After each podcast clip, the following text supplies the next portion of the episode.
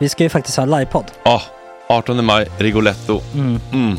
Jag kommer inte ens nämna stolarna. Nej. För det, det har jag pratat om. Ja. Nu ska vi prata om showen. Ja, bara kort då bara för de som inte vet. Alltså, man kan alltså, alltså stolarna, man kan reclina dem Ja. och ligga som Joey och Chandler Ja. i Friends. Och så har man en QR-kod och så trycker man på vilken sprit man vill ha. Och så drar man in en GT för 160 kronor. Och sen så kommer den till eh, ens Till plats. Ja, Ja. det, Det, det, finns så som, mycket benutrymme också att servitörer kommer kunna gå helt ostört. Vet du vad det är? Det är som business class. Ja, ja, verkligen. Och när vi då pratar om stolarna så kan jag också bara säga att man kan fälla upp eh, mitten, arm, armstödet, så får man en som- soffa. med sin partner. Ja, det man kan kommer bli ja, jätteroligt. Och Men vi skit kommer också i ha, stolarna. ja, vi kommer också ha typ två fotbollslag på scenen. Ja, det kommer Alltså. vara, alltså det är svårt att rabbla upp alla i huvudet nu för det är Startelvan. så många. Ja. Men alltså Mattssons massaker, tänk dig den live. Mm. Jo, Jonas Dahlqvists frågelåda. Mm. Ekis, Lady Damer. Vi har Fanny Svärd, Marve. Tora, Tjejnytt gör comeback. Det är, ja, det är på en nivå av mycket folk. Ja, det kommer bli, ehm, det kommer bli något helt annat. Någonting man aldrig har sett på Nej. en scen tror jag. Vi kommer ha allt. Allt kommer finnas. Cirkus och Cirkus. Och det, det som är skönt med, med de där slutna rummen är också att man kan ju faktiskt ta upp saker som man ibland känner att det här kan man inte riktigt ha ute i etern. Nej. Men om Sanna Dollan har fått någon invit från någon gift känd man så kanske man kan lägga upp det på en bioduk. Ja, Alltså vi har tillgång Fotoförbud. till... Fotoförbud. Exakt, vi har faktiskt tillgång till bioduken. Mm. Alltså, gott snack upp på stora bioduken. Mm. Det är något nytt. Missa inte det här. Nej, det kommer bli otroligt kul. Biljetterna på filmstaden.se. Eh, ta med en god vän så tar vi Mm. med oss Johan Rabaeus. Exakt. och det kommer också vara, det, det är så mycket Förfest, det förfest i Ja. den här eh, Rigoletto-baren. Det kommer vara en hel dag. liksom. Det kommer vara en hel dag. Ja, och sen det är såklart alkohol, allting bara beställ in till platserna ni sitter på. Ni kommer liksom vara så bekväma, ni kommer ha kul. Är förfesten bara för Patreons eller? Ja, vi kan kika på det. Vi får kika på Ja, det. det kommer en hel dag i alla fall och så Det blir det någon slags efterfest också. Ja, gud ja. Mm. Vad är en Gott Snack eh, livepodd utan efterfest? Gud, det kommer bli så kul. Så länge sedan vi hade livepodd. Ja, det ska Längtar. bli skitkul. Ja, vi ses där hörni. Men, vart köper man biljetterna? Filmstaden.se. Ja, in och köp.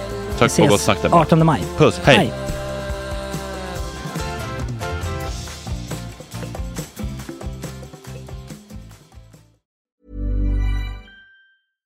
Sandra, and I'm just the professional your small business was looking for. But you didn't hire me because you didn't use LinkedIn jobs. LinkedIn has professionals you can't find anywhere else, including those who aren't actively looking for a new job but might be open to the perfect role, like me. In a given month, over 70% of LinkedIn users don't visit other leading job sites. So if you're not looking on LinkedIn, you'll miss out on great candidates like Sandra. Start hiring professionals like a professional. Post your free job on linkedin.com/achieve today. This is Paige, the co-host of Giggly Squad, and I want to tell you about a company that I've been loving, Olive and June. Olive and June gives you everything that you need for a salon quality manicure in one box. And if you break it down, it really comes out to $2 a manicure, which is absolutely insane. It's also so easy to get salon worthy nails at home with Olive and June. The difference between how your nails used to look when you did them yourself and now with the Manny system is a complete game changer. The best thing about Olive and June too is it's a quick dry, dries in about one minute, lasts for five days, and full coverage in up to one to two coats. Visit oliveandjune.com slash perfect manny 20 for 20% off your first system. That's oliveandjune.com slash perfect manny 20 for 20% off your first system. Nice. Yeah! What you're hearing are the sounds of people everywhere putting on Bombas socks, underwear, and t-shirts made from absurdly soft materials that feel like plush clouds. Yeah, that plush. And the best part? For every item you purchase, Bombas donates another to someone facing homelessness.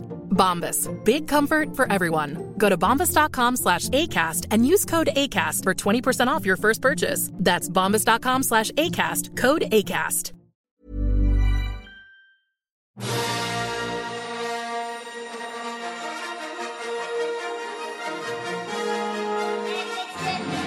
Ja, det är onsdag första november. Det blir fotbollspanelen idag om den olidligt spännande toppstriden i Allsvenskan. Djurgården nosar Häcken i Häcken, men kommer Elfsborg hålla borgen eller fortet när det gäller? Vad tror du Frida? Jag bara skojar. Jonas Dahlqvist ska prata om vikten av att ge upp. Det behöver jag just nu tror jag också. Instagramfenomenet Caroline Svelid, a.k.a. more known as, pricken rosa om sin aktivism. Var kommer hennes engagemang ifrån och hur kan vi män bäst vara med i kampen för jämställdhet och hur viktigt är det att ha en inbjudande god ton i sin aktivism för att få med sig de skeptiska männen och så kommer Kalle Möller från paradrätten om Youtube-succén. Vilken gäst har varit mest bjussig, minst bjussig, vem har blivit fullast? Har Frida Lund varit med? Har hon i så fall blivit väldigt full i så fall? Vad drömmer han om, om man får drömma helt fritt? Och så Frida Lunds stora ras slängde lampor för tio lax. Beklämmande.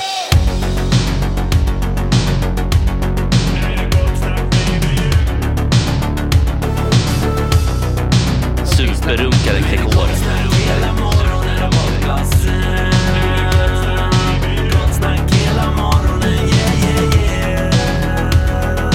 Det är inte okej. Det här är en fläckmussero. Jaha. Jag var lite orolig för att jag kanske hade slängt en sån spisplatta. Ni vet gasspisar har ju som en liten svart Mm. metallplatta på spisen. Ja. Eh, på, som, eh, så att det bara sprutar en eldlåga rakt upp. ja. Obehagligt med gasspis. Ja, det, den hade jag den var borta efter någon middag i helgen och så, så tro- trodde jag att den hade hamnat i soptunnan, Mm. i soppåsen. Och nu har jag ju blivit så duktig på att sopsortera som vi pratade om här nyligen. Just det. Så det är precis bara kattkiss och kattbajs i soppåsen. Mm. Så det var ingen trevlig genomgång.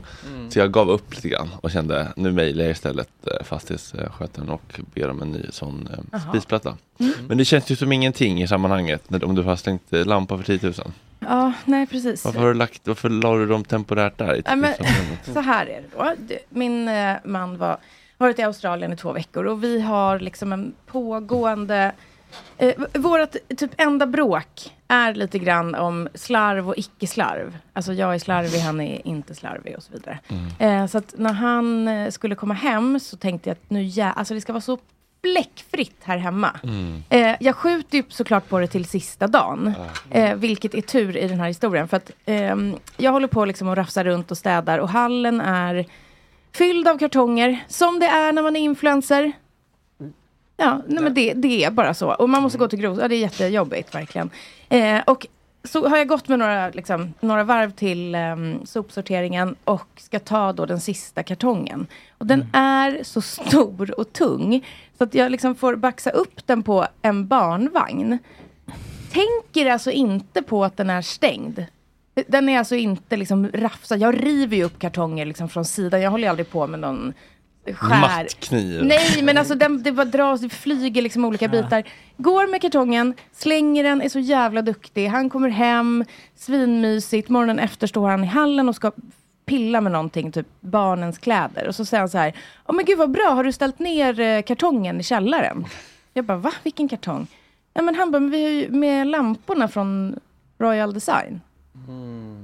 Då faller liksom, he, ni vet när man ramlar fast man inte ramlar. Ja. Så jag bara, fuck. Nej, och så ser jag hans besvikna blick. Men han fattar på en gång. Han Att, fattar på en gång. Ja. Jag bara, "Ah", och så säger han, har du slängt den? Ja. Ehm, ja. Nej men så att eh, jag skriker ju, för jag blir arg på mig själv. Mm. Men jag skriker ju till honom, men spring dit då och kolla! Eh, så att, men det är fint att du inte hamnar i, vad fan ställde du den kartongen där i hallen för? nej, men där det hade vi- man kunnat göra. Ja, mm, Hatten av för det. Ja, verkligen. Ja, verkligen. Men, men så att han alltså löper ju till grovsoporna. Kommer tillbaka en halvtimme senare smutsig och liksom blöt och kall. Och, och, ja, men med kartongen. Ja, Så att jag känner tack till mig att jag gjorde allting i sista sekund. Ja, visst. Eller hur? Så allting, ja, men tack! Verkligen, applåd.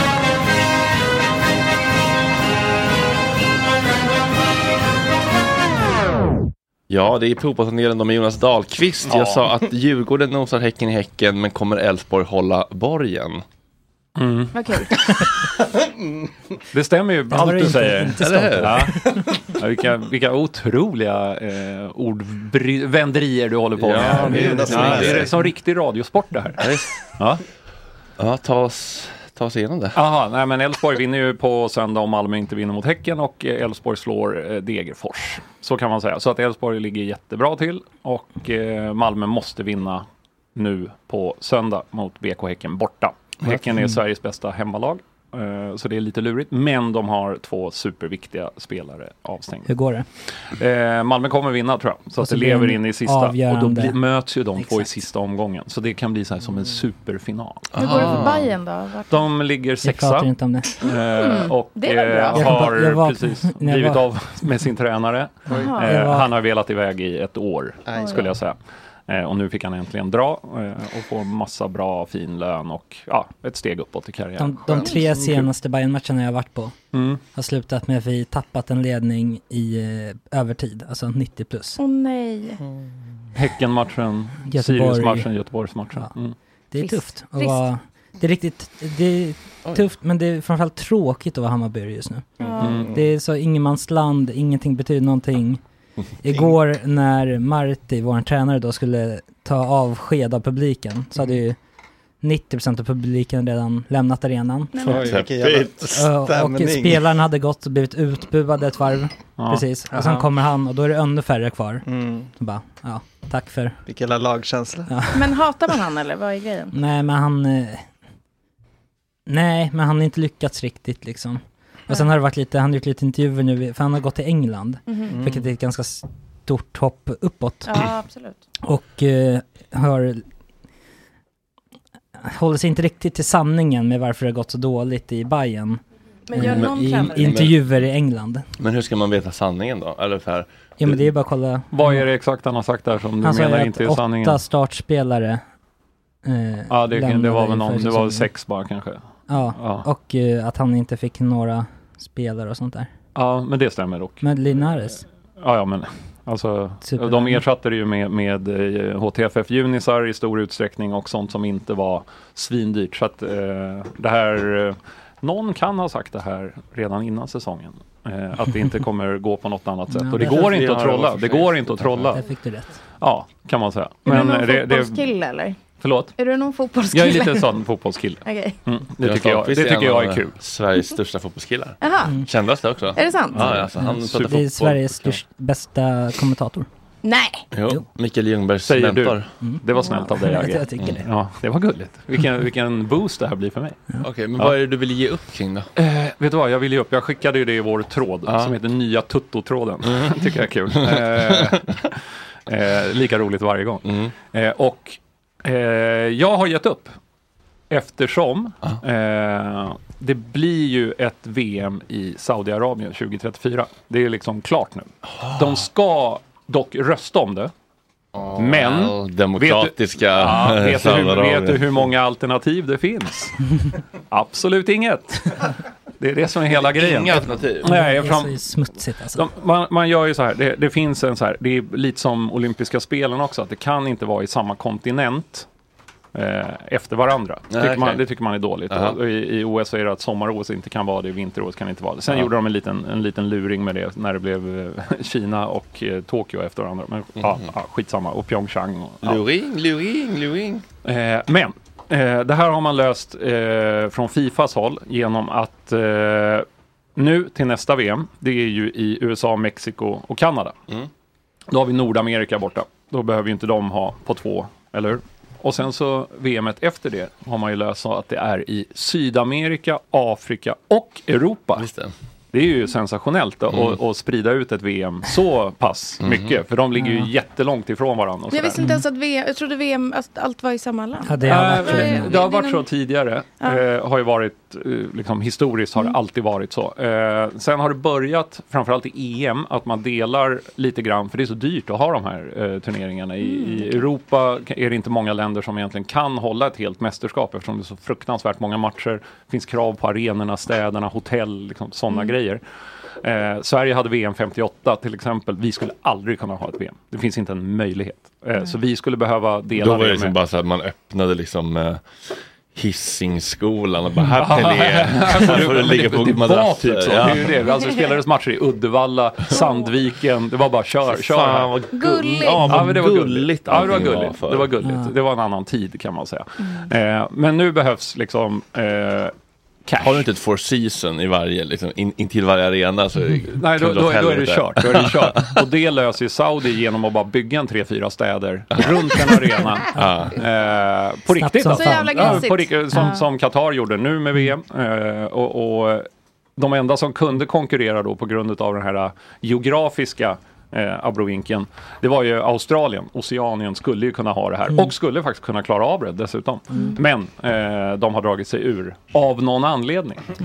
För att det kanske är onödigt att lägga massa pengar på något som är uppenbart att de kommer torska. Ja. Eh, Så det kommer bli Saudi 2034. Eh, Och då eh, ger jag upp. eh, helt enkelt. Och tycker att det är fan smart av mig att ge upp. Ja. För du kan inte slåss mot, mot eh, de krafterna. Det är för mycket pengar inblandat. Fifa måste ha de här pengarna, vill ha de här pengarna och kommer därför att göra det här, vad man än säger.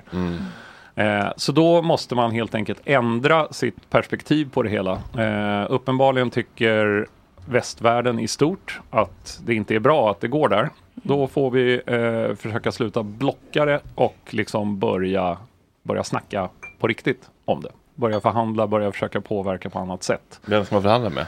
Det är ju det som är det luriga. Hur ska man göra? Ska man bojkotta? Det har jag alltid varit innan. Då bojkottar vi.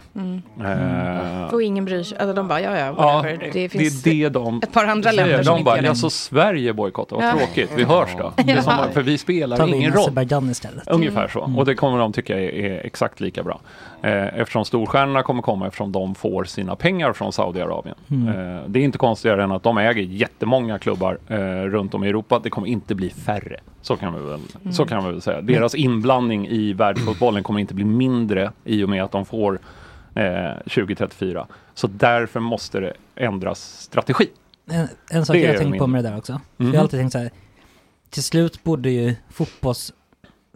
Alla som kollar på fotboll få nog. Mm. Men sen så känner man, det är liksom kommit en, en ny generation fotbollsfans nu. Mm. Den, de nya generationen fotbollsfans är uppväxta i det här. Mm. Och de har inga problem med att ta på sig en El Nasser-tröja till exempel. En Nasse-tröja? El Nasser. Jaha. Och att det, de, de är liksom, Tradition. De växer ju upp i den här moderna fotbollen på något Ja, sätt. de är Det hjärntvättade från början. Modern, Mm. Det är deras fotboll. Det är Ja, bara vi och det, det, som har någonting innan som kommer ha något Det, emot det, det, här. det var ju till exempel ganska tydliga protester mot eh, det saudiska ägandet i Newcastle. Där vi ju ändå har en svensk storstjärna, vår största utav dem alla, Alexander Isak. Eh, han spelar för en, en Saudi-ägd klubb. Eh, och han kan ju naturligtvis säga att det, är- vad ska jag göra? Jag, de, det, det är för hög nivå för att jag ska kunna påverka det. Eh, vi har haft eh, andra landslagsspelare som spelat i klubbar med liksom, ägande som är tveksamt och det gäller både på herr och damsidan. Eh, liksom, spelar man i PSG, då är det Qatarägt. Men sen är det också, sen, någonstans kan jag också känna att eh, Sverige är eventuellt inte alltid facit på precis allting. Att eh, världen ser annorlunda ut. Vi tycker att våra, våra eh, regler och vår kultur och eh, alla våra lagar är toppen. Andra länder gör inte det. Och vad kokar det då ner till syvende och sist när det gäller just fotboll? Cash. Och var kommer pengarna ifrån till Fifa i störst utsträckning? Jo, ifrån de länderna. Det är så. Europa har ingenting att säga till om längre. Vad det gäller det här. Vi har historiken, vi har storleken på klubbarna. Alltså det är fortfarande vår Champions League som är störst. Det är spanska ligan, engelska ligan. Allt det där är liksom, det är där the acclaim finns. Men eh, eh, pengarna, de kommer någon annanstans ifrån och det är pengarna som bestämmer. Mm. Så då gäller det att ändra taktik mot detta. Eh, ja, vi kan bojkotta hur mycket vi vill. Det kommer inte göra någon skillnad. för- Förhandla med terroristerna. Typot. Ja. Mm, där hade du Så jag har gett upp. Det var det jag ville säga bara. Att jag, jag passar på att göra det. Har du också- Plus att jag kommer vara så jävla gammal VM eh, 2034 har jag kommit på. Mm. Hur gammal Eh, är du då? Alltså, vad- hur gammal är jag? Jag kommer alltså vara 58 år gammal då. Åh, Fattar du? Och då har jag kanske lämnat, alltså så här, ja, men om man räknar med gubbarna i min släkt, de har dött vid 75, då har jag 4-5 VM kvar efter det. Det är det jag har kvar att leva. Mörkt. Fy fan det. vad mörkt det här är alltså. Oh.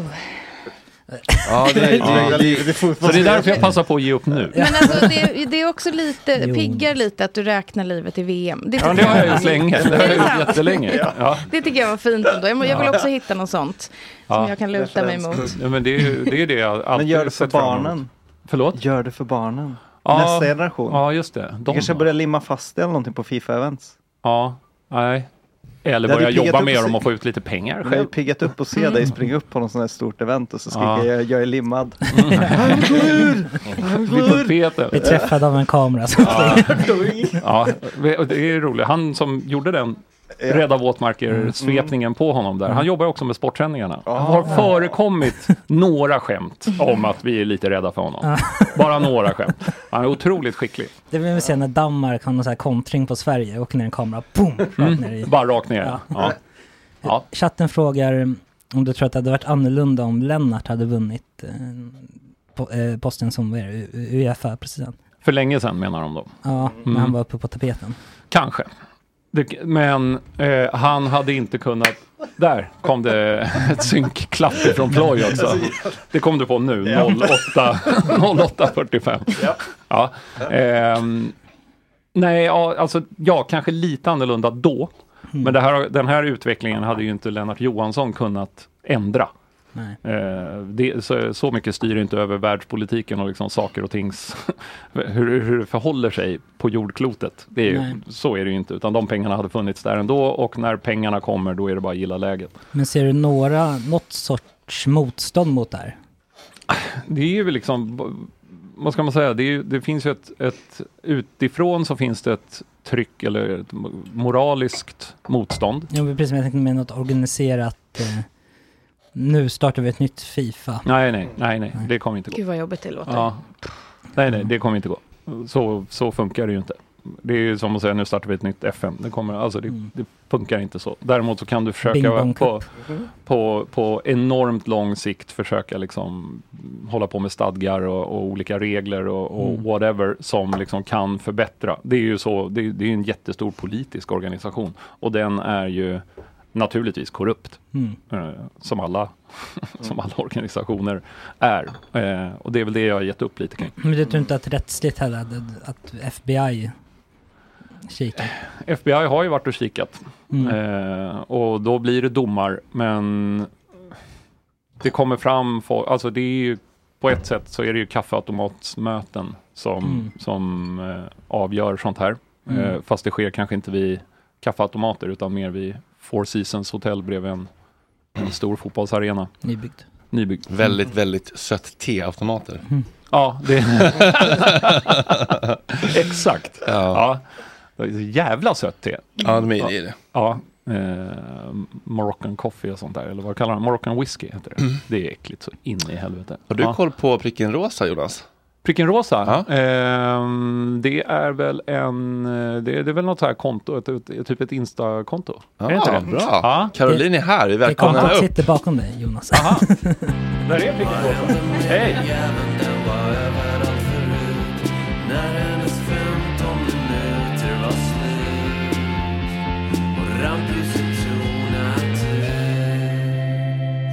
Caroline Svelid, a.k.a. pricken rosa. Välkommen hit, välkommen hit. Tack så mycket. Hur står det till? Det är bra, tack. Hur mår du själv? Ja, men jag mår väldigt mycket bättre nu när jag fått eh, prata lite grann om, eh, lätta lite grann på de här jobbiga känslorna. Det handlar ju bara om att få prata Mm. och släppa ut känslor. Uh, yeah. Ja. det vet väl du mycket om. Eh, Du slog ju igenom med dunder och brak för den lite, kanske lite större massan eh, i det här Jag vet vad en snippa är. Minns du det Jonas? Det kommer jag ihåg. Ja, minns du vad det handlade om? Ja, det var ju en, var en våldtäktsdom mot en, ett barn. Mm. Eh, där det hävdades att eh, man inte visste eh, vad en snippa var. Att det, skulle vara något, eh, något sorts, eh, någon sorts förmildrande omständighet i det hela. Och därför kunde domen inte bli så hård eller till och med inte ens blev en dom. Det kommer jag inte ihåg om det var. Perfekt förklarat Jonas. Var det inte så? Men det var väl så? Lite, lite, rörigt bara. Ja. Din ja. Caroline, vill, vill du förtydliga något? Nej men du fångade väl essensen i Ja, hela. tack. Han blev helt friad. Helt friad. Ja. Tingsrätten hade dömt honom för våldtäkt mot barn men hovrätten friade. Just, och så fanns det ingen annan åtalspunkt efter det. Så att, våldtäkt eller inget. Så Mm. ingenting. Men innan dess, förlåt för en liten okunnig killfråga. Var du en stor profil i de här frågorna innan dess? Även också på... Nej det skulle jag inte säga. Nej? Alltså jag hade drygt 20 000 följare och liksom drev ju det här. Har gjort några år. Ehm, men eh, det var väl då jag fick ännu fler följare och en starkare röst. Mm. Och det var du, du kom på den här eh, hashtaggen, jag vet vad en snipp är. Mm. Hur kom du på den? Eh, när jag läste den här domen så blev jag ju helt förkrossad och jättearg och tänkte att någonting måste ske. Dels för att visa flickan och hennes familj stöd. Eh, att vi är fler som protesterar mot det här och tycker att det är fruktansvärt. Men också som en protest mot vad är det som pågår egentligen. Och då tänkte jag rosa är ju min färg, jag älskar rosa. Eh, och jag ville att den, man, när man såg den så skulle man vilja veta vad handlar det här om. Och såklart är det ju ganska många som vet vad en snippa är. Och om det då sitter män som friar våldtäktsmän i hovrätten som inte vet vad en snippa är, då är det ganska allvarligt. Minns du det här Frida? Ja, absolut. Eller hade du zonat ut från sociala medier för att slippa tänksmärtan? Kollade på, kollade präriehundar på TikTok. ja, men, ja, det gjorde jag väl bland annat. Nej, men det är väl klart jag minns, Mm. absolut. Det är ju helt förkastligt. Mm. Ja. Mm. Men, eh, men ditt engagemang då, eh, när blev du liksom en eh,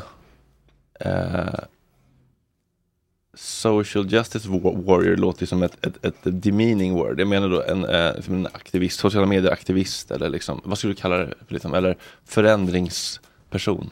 Förändringsperson, det låter bra. När- när- när blev du det? Jag startade kontot för eh, tre år sedan. Tre och ett halvt tror jag, i april.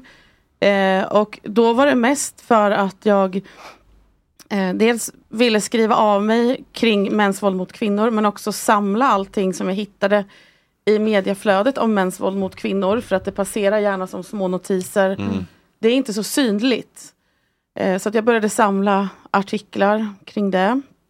Jag var också anonym då för att jag ville inte att fokus skulle vara på mig som person utan på frågorna som jag drev.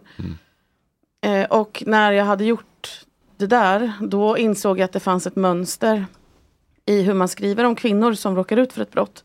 För då är helt plötsligt själva brottet misstänkt. Mm. Det är en misstänkt våldtäkt eller det är en misstänkt misshandel eller ett misstänkt mord.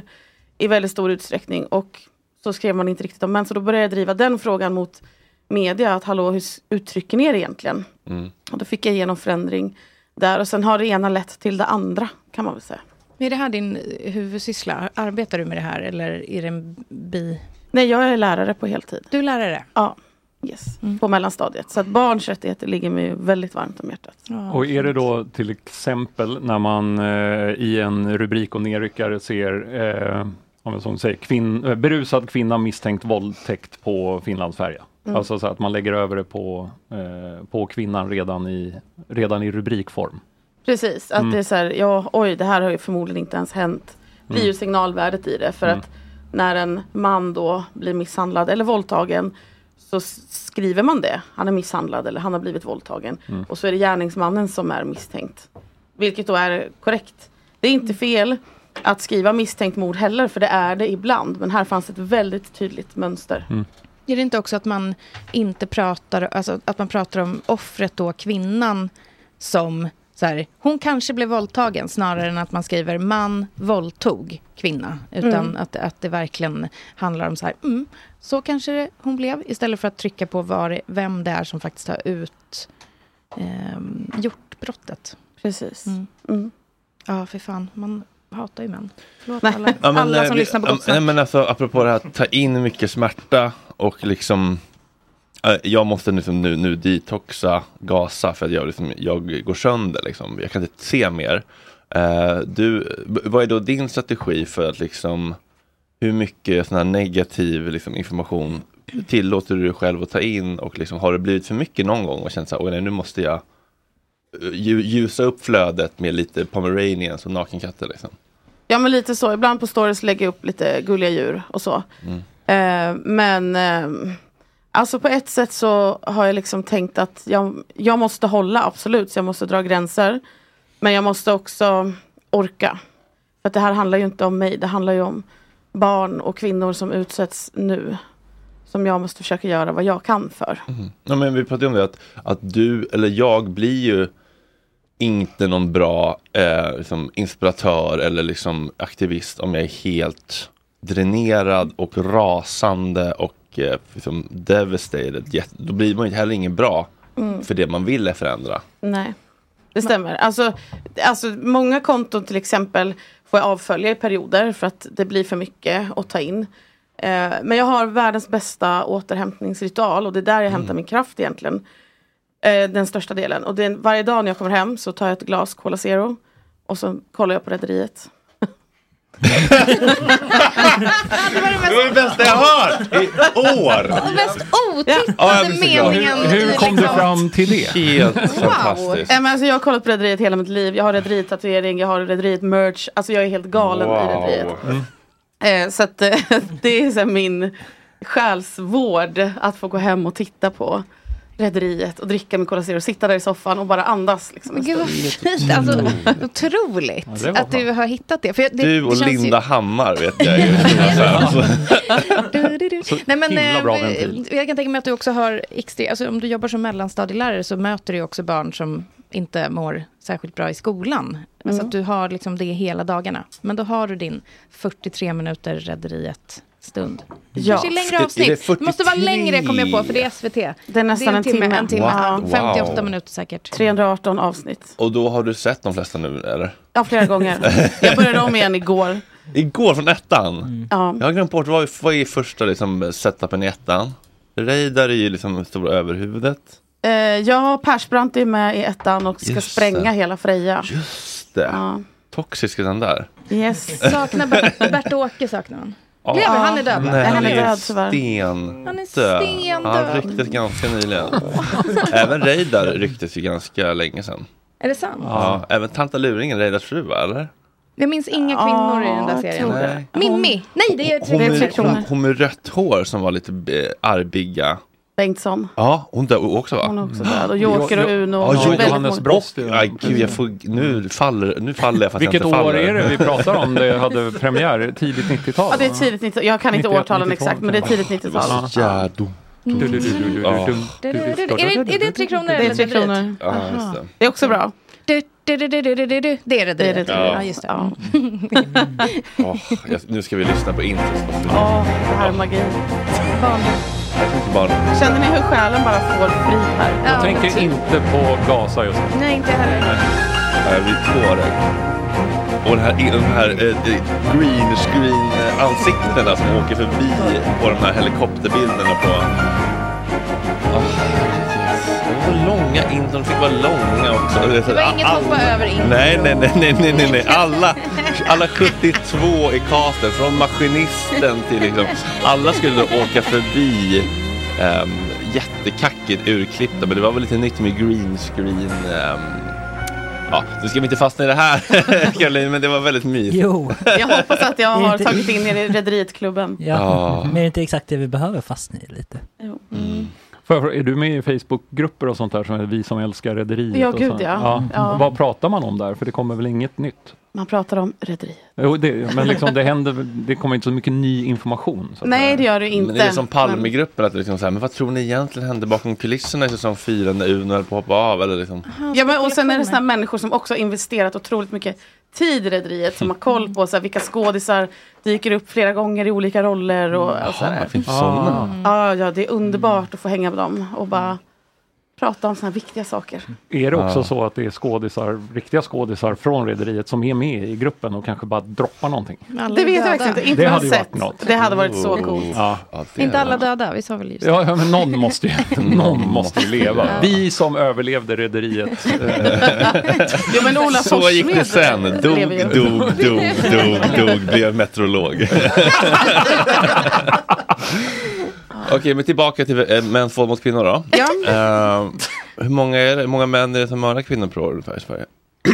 Eh, ja, det är ju svårt att svara på för alla blir ju inte dömda. Nej. Men eh, runt mm, mellan 10 och 15. Någonstans där. Inte så många ändå. Jag skojar, skoja, skoja, förlåt. Jag Gud, vad det direkt. Sätt på rederiet intro. Ja. Eh, men men, men hur- känner du liksom att det du gör på Instagram, att det får någon effekt eller känner du att det är mer preaching to the choir? Jag kan ibland känna att så här, de som redan följer mig och tycker att jag är lite vettig, ja, det är inte dem jag skulle behöva nå. Jag skulle behöva nå de här eh, killarna som bara lyssnar på Andrew Tate typ. Ja, men det är lite det också som är grejen med mitt konto. Att jag har varit tydlig från början med att jag just vill nå ut till män. Jag förespråkar inte manshat. Till exempel. Men jag skojar. Eller? Eller? Jag Eh, skojar. Älskar killar. De är så snygga. Eh, och att jag liksom vill prata med de som inte tycker som jag. För det är ju där vi kan växa. Jag kan få nya perspektiv. Men de kan också inse att jag har rätt och de har fel. Till exempel. Det är jätteviktigt. Mm. Eh, Och men, ibland tvärtom kanske. Nej, det har aldrig hänt. Jo, vars, visst är det så. Eh, och det jag gör på Instagram är en ganska liten del av det jag gör. Jag Mm. lägger ju inte upp allt där. Eh, så. Men det är en viktig plattform att bilda opinion. Skulle jag säga. Mm. Och, och hitta kontakter, lära känna varandra, kunna samarbeta med varandra och sådär. Så. Har du någon koll på liksom, statistik, hur många som följer som är kvinnor, män, slash icke-binaries? Nej, jag tror inte Insta, Meta mäter inte icke-binära men eh, jag har legat på ungefär 8% män. Mm. Och jag har tagit ofantligt många diskussioner i DMs med arga män. Mm. Eh, för det är väldigt många som hatar mig utan ens veta någonting om mig. Hur kan det låta då? då? Ja men att jag är en eh, bitter människa som aldrig haft en kille eller att jag bara är ett feministas. Jag vet inte vad man får säga här. Men... Jo, var det? Var det? Ja. eh, och alltså vissa samtal är ju så här. Det, det är ingen bra ingång liksom. Vissa saker. Men en del är verkligen genuint. Eller bara hör av sig och skriver så här. Du jag hatar feminister men nu har jag följt dig ett tag. Och du har ju faktiskt en poäng här och var. Här och var. Inte alltid, men Nej, ibland. Inte alltid. Eh, Inte alla män. Inte alla män Inte alla eh, och inte alla feminister heller. eh, så att det har liksom blivit det. ganska bra samtal. Även om Mm. någon har gått in och varit arg så kan man ofta känna efter så här. Mm. Är det värt att ta det här eller inte? Och jag tar hellre ett samtal för mycket än ett för lite. För att det är så viktigt Att bemöta de här känslorna. Vad, vad grundar sig de i? Varför är du så arg på mig? Men orkar du ta Ja. enskilda individer? För det har jag satt stopp för. jobbigt. Ja, det är det jag gör. Ja, Det låter så tufft. Ja, det är fan... Det... Blir du inte lack när du får typ så här, din jävla feminist någonting? Alltså då, jag skulle bara, Dum, käften. Alltså det, det, nej men det är så det är otroligt att du Var då kommer bara, den här känslan ifrån? Det låter som att du är ledsen Ja. egentligen. Man orkar vara terapeut för alla toxiska män. ute. Jag legitimerade mig själv som psykolog här. Mm. Nej men alltså jag tycker att det är fint på något sätt. De, inte, de känner ju inte mig, de kan inte ha, hata mig. Det går liksom inte. De kan bli arga på budskapet och då är det så här, varför blir du arg på att kvinnor ska ha samma rättigheter som män? Mm. Det är orimligt. Vi, vi tar en liten, ett litet samtal om det här och så ser vi vart Och, det landar. vart landar du då oftast då? Men en del, de allra, allra flesta har faktiskt landat i att de stannar kvar och följer. Någon har sagt så här, jag blir vansinnig på det, jag blir så jävla provocerad. Men jag gillar det, för det väcker någonting i mig. Och så är de liksom där. En del får man ju blocka såklart för att det är liksom ja, rena rama hoten och det spårar liksom helt. Mm. Men eh, de allra, allra flesta har faktiskt landat i att så här, vi är ganska oense om mycket. Men vi har hittat liksom, dörrar vi kan öppna. Och, ja. Känslan är att det är väldigt mycket män som hatar på sociala medier eh, jämfört med eh, det kvinnliga hatet. Ja. Som man ju aldrig har drabbats av faktiskt. Men det är väl din bransch Jonas? Ja men det, det, det, om det gäller mig som har, håller på med en bransch och dig som jobbar med något helt annat och eh, om du tittar i vad som skrivs just nu om Fredriks fråga eh, med, med Israel och Gaza så skulle jag nog säga att det är väldigt mycket män som har Jo, skarpa åsikter. Testa vara typ Bianca Ingrosso då. Det är tydligen mest tjejer som är inne Är ha, hatiska? Mm. Aha. Ja, det, den, har jag, den har jag missat. Mm. Känslan, utan att ha några som helst bevis för det här, är att, att det är mer killar som skriver liksom att- arga grejer än tjejer. i- i- Mm. i. Det är min känsla. Vad, vad har du för upple- upplevelse Jag? av, eh, av, av kritiska kommentarer? Ehm, Det nej men jag får inte jättemycket men jag fick, det var någon storm någon gång när jag la upp någon idiotsnubbe eh, på TikTok som hade snackat om kvinnor på ett dåligt sätt. Och då kom hans svans och bara Mm. Fan du är så jävla ful typ. Man bara, men ja okej. Alltså, kram. Nej men eh, det är liksom. Men då, det, men, vad ska man svara på det? Bara, nej det är inte. Eh, nej men eh, och då, då var det lite såna hotgrejer. Eh, Mm. Men då går jag ju in då i lackläge. Och blir typ så här, du har ingen aning om vem fan du hotar typ. Och sen Oj. så bara, oj, det här kanske är dumt. Förlåt, förlåt. Alltså, jag, jag har väldigt svårt att, att då vara så här eh, pedagogisk. Mm. Känner du att du har förlorat då för att du tappade? Mm, nej, då blir man ju mer rädd Mm. att man har hotat tillbaka till någon som kanske är farlig på riktigt. För att Mm. d- män är ju farliga eh, rätt. Ja. Så. Men eh, det, det händer väldigt sällan. Det kan ju vara typ att folk säger vad äcklig din pasta var. Och då blir jag ju inte jätteledsen över det. Alltså jag, jag har ett matkonto. Mm. Eh, så det, kan- det kan jag ta. Mm. Mm. Men jag tänker också, jag, fick, jag har fått sån här, ja jag förstår varför du är feminist, din feta äckliga gris. Mm. Typ. Ja, okej. Alltså, jag tror inte de här människorna förstår, de vet ju inte vem jag är, var jag kommer ifrån. Nej. Jag har hatat mig själv ett helt liv. Det är svårt att liksom komma åt mig med sådana grejer, för det är så här, ja, folk får tycka vad de vill. Det spelar inte så stor roll, jag kommer göra det här ändå. Jag har bara så svårt att um, förstå hela processen. Hela långa vägen. Att här, se någonting som man tycker är idiotiskt. Eh, typ gå in på sitt konto, gå in på den personen, trycka på skicka meddelande. Påbörja ett meddelande, läsa igenom det och sen skicka. Mm. Vad det verkar så jobbigt. Eller? Men Det känns som Alltså, att det är många steg där, där man normalt sett hade så här, äh, nu. Men alla kan väl kolla på en bild och känna så här, vad fan, det, vad är det här för idiot? Och Mm. sen så bara, flupp, så går man vidare i livet. Men att ta det steget och bara, fan du är ful! Mm. Ja. What? Ja. Ja. Men det känns ju, alltså förlåt, men det känns ju också lite så här, eh, jag ska inte bärsa på fotboll, men mm, alltså, sportkille, mm, liksom den. Mm. Det stämmer. Ja. Alltså, fotbollshulig- Det stämmer. Så inte, inte alla fotbollsmän, men... Inte alla fotbollsmän, men fotbollshuligans halojer som är typ så här, bara står med händerna så här. Mm. Det är, jag vet inte. Det är speciellt. Det är ett speciellt släkte. Ja. Kan vi lägga ut bilden på Jesper när han står ex- exakt så i någon Djurgårdshuligan-sammanhang. Mm. Heja Bajen. Men eh, något som jag har funderat lite grann på på senare tid, för jag har ju liksom länge varit en man som tycker så här, ja allt det där män gör det ju jättedåligt, men jag har ju aldrig känt mig liksom manad att liksom vara med på tåget och på kampen liksom lite grann. Intressant. Eh, förrän nu på senare tid när jag typ så här, men, ja, men jag såg Russell Brand-dokumentären och jag, jag stängde av den och kände inte bara vilken jävla idiot, jag kände så här, ja men det här vill jag liksom säga någonting om i Gott Snack typ. Eh, och jag vet inte riktigt vad det handlar om, om det är något, någonting mer liksom att eh, att jag alltid har haft liksom ganska bra värderingar om hur jag tycker att världen ska vara. Men jag har känt mig ganska liksom eh, ganska oengagerad, eller så här, det där är inte min kamp att föra eller så här. Eh, det är som inte mitt ansvar att försöka förändra, men jag nu känner mer så här, okay, om jag har de här värderingarna så måste jag leva lite mer efter dem och faktiskt försöka liksom bidra till att skapa en värld där de här värderingarna eh, liksom, liksom får vara lite mer ledande. Eh, och varför det har blivit så för mig, liksom det, det kan man ju det kan man ju lämna därhän. Men, men, men hur tror du att man kan få killar att känna, fan jag vill ju vara med på det här tåget och också liksom prata om det och inte bara säga så här, jag håller med men jag, nu går jag på fotboll och kör min grej istället bara liksom. Ja, alltså det är ganska svårt för ofta så har eh, kvinnor i sig inget värde, missförstå mig rätt, utan man måste liksom säga att det är någons dotter, det är någons fru, det är någons mamma. Alltså kan man känna en personlig koppling till det eller att det händer en kvinna i ens närhet någonting. Och så är det ju egentligen med allting.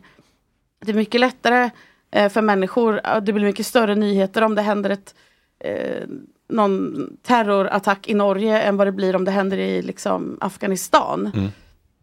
Eh, så att det handlar väl kanske om att se att vad vill man ha för typ av samhälle? Och sen är det så att alla kommer inte alltid orka och det är därför vi måste orka åt varandra. För att alla kommer inte orka att ta kampen om att få leva som man är eller att kvinnor och män ska ha samma rättigheter, att barn ska ha eh, starkare rättigheter och sådär. Ehm, och därför så måste vi ja, men ser det lite som en avbytarbänk. Vi toppar laget och så kör vi och så ibland behöver man gå och sätta sig på, på bänken och kolla på rederiet. Men, men alla killar, om man tänker på er andra tre eh, killar här. Hur, vad gör ni för oss? Alltså hur ser liksom, nej men på riktigt, för jag kan tänka så här, på under en tjejmiddag till exempel, då kommer det 100% komma upp någonting relaterat till det här. Eh, man har varit rädd när man har gått hem, nå- någonting. Men om, om ni då äter middag eller gör någonting, pratar ni om eh, mäns våld mot kvinnor eller eh, hur ni ska göra för att inte en kvinna ska bli rädd när ni går bakom henne när hon går hem eller vad, vad är Mhm. den, hur ser det ut? Vi- Ja, eh, i mitt fall, vi käkar väldigt eh, sällan killmiddagar. Så. Ja, men ni tar en när, bärs. när vi gör det så gör vi, då spelar vi ofta något Dungeons and Dragons typ, och då blir det inte tid för så mycket annat. Nej. För så mycket djupa diskussioner liksom. Men eh, Men typ ni tar en bärs, ni ses ett gäng killar. Kommer det komma upp en diskussion om vad ni... Vad ni eh, nej, antagligen inte. Svaret är nog nej. Ja. Mm. Eh, det kommer inte... Men vi alltid- eh, ja. där, jag kommer ihåg första gången som jag var tvungen att tänka på det där. Mm. Eh, jag jobbade på eh, Stureplan när jag var ung, ung. Och gick hem mitt i natten och gick jag genom Humlegården. Och kom 5-10 meter bakom en tjej som liksom började småjogga och sprang undan. Ja. Eh, för att det- jag var... jag vill ingen- jag men vill det- ingen- hallå, stopp, stopp, det är stopp. Det är Ja, Discovery riktigt. Plus, På riktigt så är ju det Nu första du! Nej, hon blir rädd för mig. Jag är ju ingen fara. Alltså, så här, vad fan, nej, hallå! Alltså, så här, det är ju första tanken att, att man ska börja göra Springa, något. stoppa henne och Ja. övertyga henne om att hon inte behöver det. Jag vet. Och det, det var ju en, det var så här, helvete. Är, det- så här är det ju naturligtvis. Liksom. Jag hade aldrig behövt tänka den tanken själv. Någonsin. Mm. Eh, och det var väl, eh, ja, det var väl en aha-grej. Så sen dess så eh, undviker jag att gå bakom tjejer liksom. Om, man är, om, man är, om jag förstår att nu kan hon bli stressad av att jag går 10 meter bakom. Då får jag ta en liten detour så att man inte är i vägen. Liksom, d- Men det är ju bara, för det är, det är, ju bättre, det är ett bättre alternativ än att springa ikapp och säga det är lugnt. Och sen är ju Ja. överfallsvåldtäkter ett ganska litet problem, typ 3-5% om man ser till de, den stora Mm. som är liksom i relationer. Ja. Och det tänker jag också, det är också ett viktigt samtal så här. Hur kommunicerar vi? Hur liksom, alltså fysiskt, emotionellt, psykiskt och sexuellt våld i relationer Mm. är ju mycket vanligare än att någon blir överfallen i Humlan. Absolut. Jag tänker att de samtalen skulle killar också behöva ha på middagar. Mm. Hur, hur gör du om din tjej blir hysterisk? Tycker du att du har rätt att hålla i henne då? Eller, och, vad, vad, vad svarar killar på det då? Eller det så här, Jag- sådana samtal. Jag tror, eh, eller jag får ju prata för mig själv. Jag utgår från mig själv här, att eh, man i sin närmaste grupp då, de man sitter och tar en bärs med eller har en middag, så utgår jag från att här sitter faktiskt inga våldtäktsmän eller eh, misshandlare. Nej, men det är liksom inte så svart eller vitt. Nej, men, och då, då är det så här, men vi gör ju ingenting. Alltså det blir någon sorts, alltså, Mm. och skulle det visa sig att någon eh, gör det, då är ju den personen naturligtvis bara borta. Mm. Men det är inte att vara Men- våldtäktsman eller inte. Nej, men det kan ju vara att man det straffar sin flickvän genom att eh, inte svara på hennes sms på två Mm. dagar. Eller du vet så här. Det finns ju olika typer av liksom, psykiskt och eh, emotionellt våld Mm. som också, som inte bara är att jag liksom eh, våldtar min tjej. Alltså, men typ att ja. så här, någon, någon kompis snubbe har lite dåligt ölsinne. Ja. Så här, v- vad betyder och, blir, det? och typ så här, blir lite våldsam och skriker och är elak och håller henne vaken om nätterna och kastar saker. Det är ju det är ändå, sådana finns ju ändå liksom ibland oss. Eh, och de behöver inte vara våldtäktsmän för att de ska vara problematiska. Liksom. Nej, men det som är värt att tänka på också är ju att alltså, när man just pratar om tjejer som du sa så kommer det alltid upp vem har varit rädd, någon har varit, blivit våldtagen eller utsatt av en man på något sätt. Ja. Så alla känner en kvinna som har blivit utsatt men ingen känner en våldtäktsman. Nej. Och det är ju en ganska intressant tanke. Att Hiring for your small business? If you're not looking for professionals on LinkedIn, you're looking in the wrong place. That's like looking for your car keys in a fish tank. LinkedIn helps you hire professionals you can't find anywhere else, even those who aren't actively searching for a new job but might be open to the perfect role. In a given month, over 70% of LinkedIn users don't even visit other leading job sites. So start looking in the right place. With LinkedIn, you can hire professionals like a professional. Post your free job on linkedin.com slash achieve today. There's never been a faster or easier way to start your weight loss journey than with PlushCare. PlushCare accepts most insurance plans and gives you online access to board-certified physicians who can prescribe FDA-approved weight loss medications like Wigovi and Zepbound for those who qualify. Take charge of your health and speak with a board-certified physician about a weight loss plan that's right for you. Get started today at plushcare.com slash weight loss. That's plushcare.com slash weight loss. plushcare.com slash weight loss. Hey, it's Ryan Reynolds, and I'm here with Keith, co star of my upcoming film, If, only in theaters, May 17th. Do you want to tell people the big news? All right, I'll do it. Sign up now and you'll get unlimited for $15 a month in six months of Paramount Plus Essential Plan on us. Mintmobile.com slash switch. Upfront payment of $45 equivalent to $15 per month. Unlimited over 40 gigabytes per month. Face lower speeds. Videos at 480p. Active Mint customers by 531.24 get six months of Paramount Plus Essential Plan. Auto renews after six months. Offer ends May 31st, 2024. Separate Paramount Plus registration required. Terms and conditions apply if rated PG. Jag tror att man har en bild av hur en våldtäktsman ska se ut. Att det är liksom Bosse i busken, typ. Med den här trenchcoaten. trenchcoat, Ja, ja. Mm. exakt. Eh, Dumpen. den fula gubben. Konfrontationen. Ja, precis. Men det är ju inte så. Alltså, de flesta kan nog vittna om att en våldtäktsman kan vara en chef eller eh, någonting annat. Jag gjorde en, en eh, serie på det som hette Känn igen en våldtäktsman. Som jag har snurrat några gånger på Instagram. Där jag liksom lyfter några av Sveriges mest uppmärksammade serievåldtäktsmän. Där alla är liksom, ja ingen är den här Bosse i busken. Liksom. Eh, Så det är ganska viktigt, tänker jag, att, att vidga liksom begreppet. Men det Vad var, innebär var, det? var inte vidgandet av begreppet det som gjorde väldigt många män eh, oroliga kring metoo? Jo. För att i början så var det så här de, de mest uppenbara liksom, Mm. Harvey, Harvey Weinstein, Mm. eh, den typen utav eh, personer. Och sen så när det var så här, jo men hur många här har kanske lyckats eh, ligga med receptionisten för att hon ville ha ett, Ja. ett, ett högre jobb och du såg till att det blev så. Mm. Då var det ju oerhört många män som började skruva på sig. Aj, aj, aj, ska vi gå in på de där detaljerna också? Mm. Ja. Eh, och när det, när det vidgades begreppet så blev det ju eh, då blev det problem. Men jag Ja. tänker att man måste typ så här, typ som du i skolan, jag kan verkligen tänka mig att du är en otrolig lärare just eh, i att så här, se till allas lika värde. Men att man måste börja tidigt med att så här, för uppenbarligen så är ju så här, vuxna män eh, tycker inte att vi är lika värda. Även om man säger jo, så agerar ju hela världen som att det inte är så. Mm. Att det måste börja tidigt, kanske inte, man kanske inte kan lära sig alla gamla hundar att sitta nu, men våra barn och framtida generationer ska ju inte gå genom livet och tycka att det är lite, lite sämre att vara tjej. Nej men det handlar om, tycker jag, att ta hand om pojkar. Alltså för de normer vi har haft har ju varit liksom att pojkar ska vara tuffa, de ska inte gråta, allt det där. Och man sä- säger till tjejer att eh, men han gillar bara dig när man blir liksom halvt ihjälslagen på förskolan.